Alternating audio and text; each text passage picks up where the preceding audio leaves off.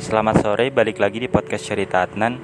Kali ini aku mau sharing tentang soal sakit hati ya. Siapa sih yang nggak pernah sakit hati di sini? Aku pikir semua orang ya, baik muda, baik tua, siapa pun yang hadir di dunia pasti pernah sakit hati kecuali yang nggak pernah dilahirkan oleh Tuhan. Kemudian, bagaimana sih seharusnya kita menghadapi sakit hati? Tapi sebelum ke solusinya, aku mau sharing tentang apa yang aku alami akhir-akhir ini yang menurutku itu pengalaman menyakitkan, menyakitkan hatiku.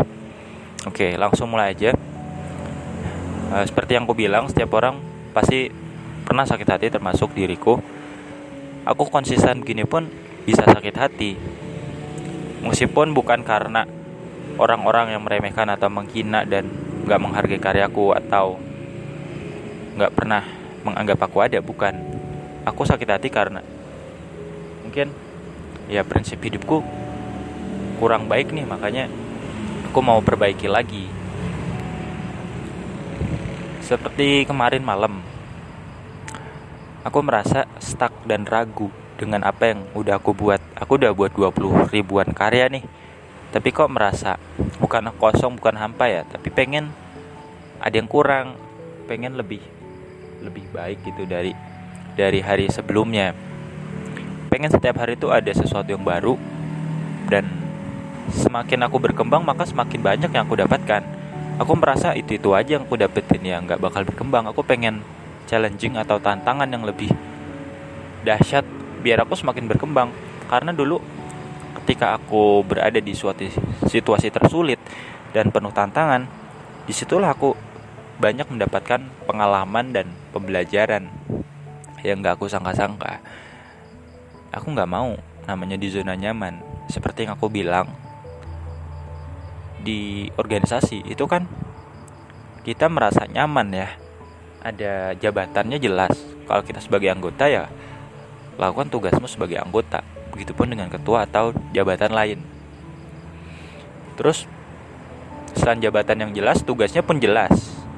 Rewardnya jelas punishmentnya jelas bahkan ada angka-angkanya, ada anggaran dananya, semuanya jelas programnya terencana, terstruktur, bahkan ada agenda rutin, semuanya ada pertanggungjawabannya. Nah, sedangkan aku, aku nggak suka kayak begitu, terlalu nyaman, diberikan fasilitas, benefit, ada teman, ada siapa pun itu, banyak manfaat yang aku dapatkan dari organisasi, tapi aku nggak mau dimanja seperti itu. Aku pengen cari sendiri, sekalipun nggak di zona nyaman, nggak jelas apa yang aku dapetin yang aku lakukan strateginya gimana.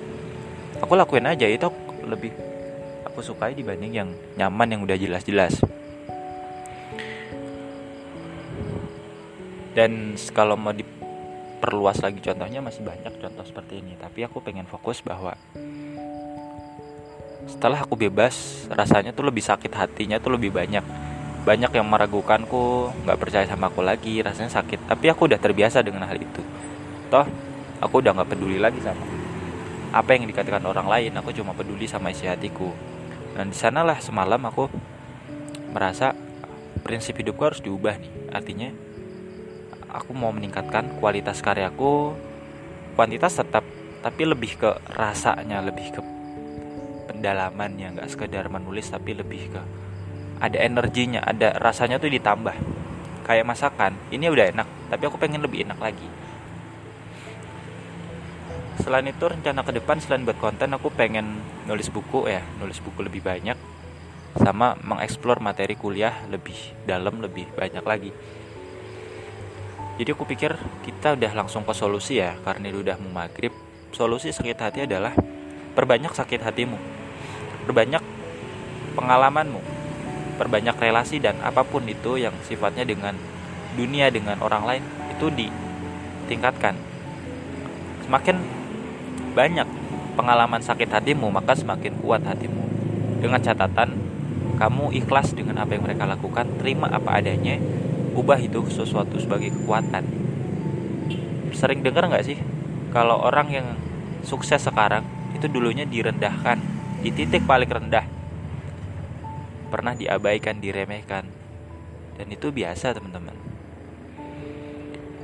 Makanya sepedas apa pun kata netizen seburuk apa pun kata orang lain kalau kita punya punya imunitas tubuh artinya punya kekuatan dari dalam diri untuk menghalau itu nggak peduli kecuali ambil yang baik-baik maka dia sendiri netizen sendiri yang akan lelah untuk komen hidup kita. Dan aku udah membuktikan hal itu.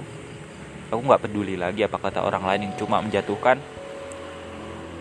Sama sekali nggak berubah. Aku cuma berubah ketika aku mendengar firasat dan suara hatiku itu aja yang buat aku merubah prinsip hidupku Aku pikir sekian dari aku. Terima kasih.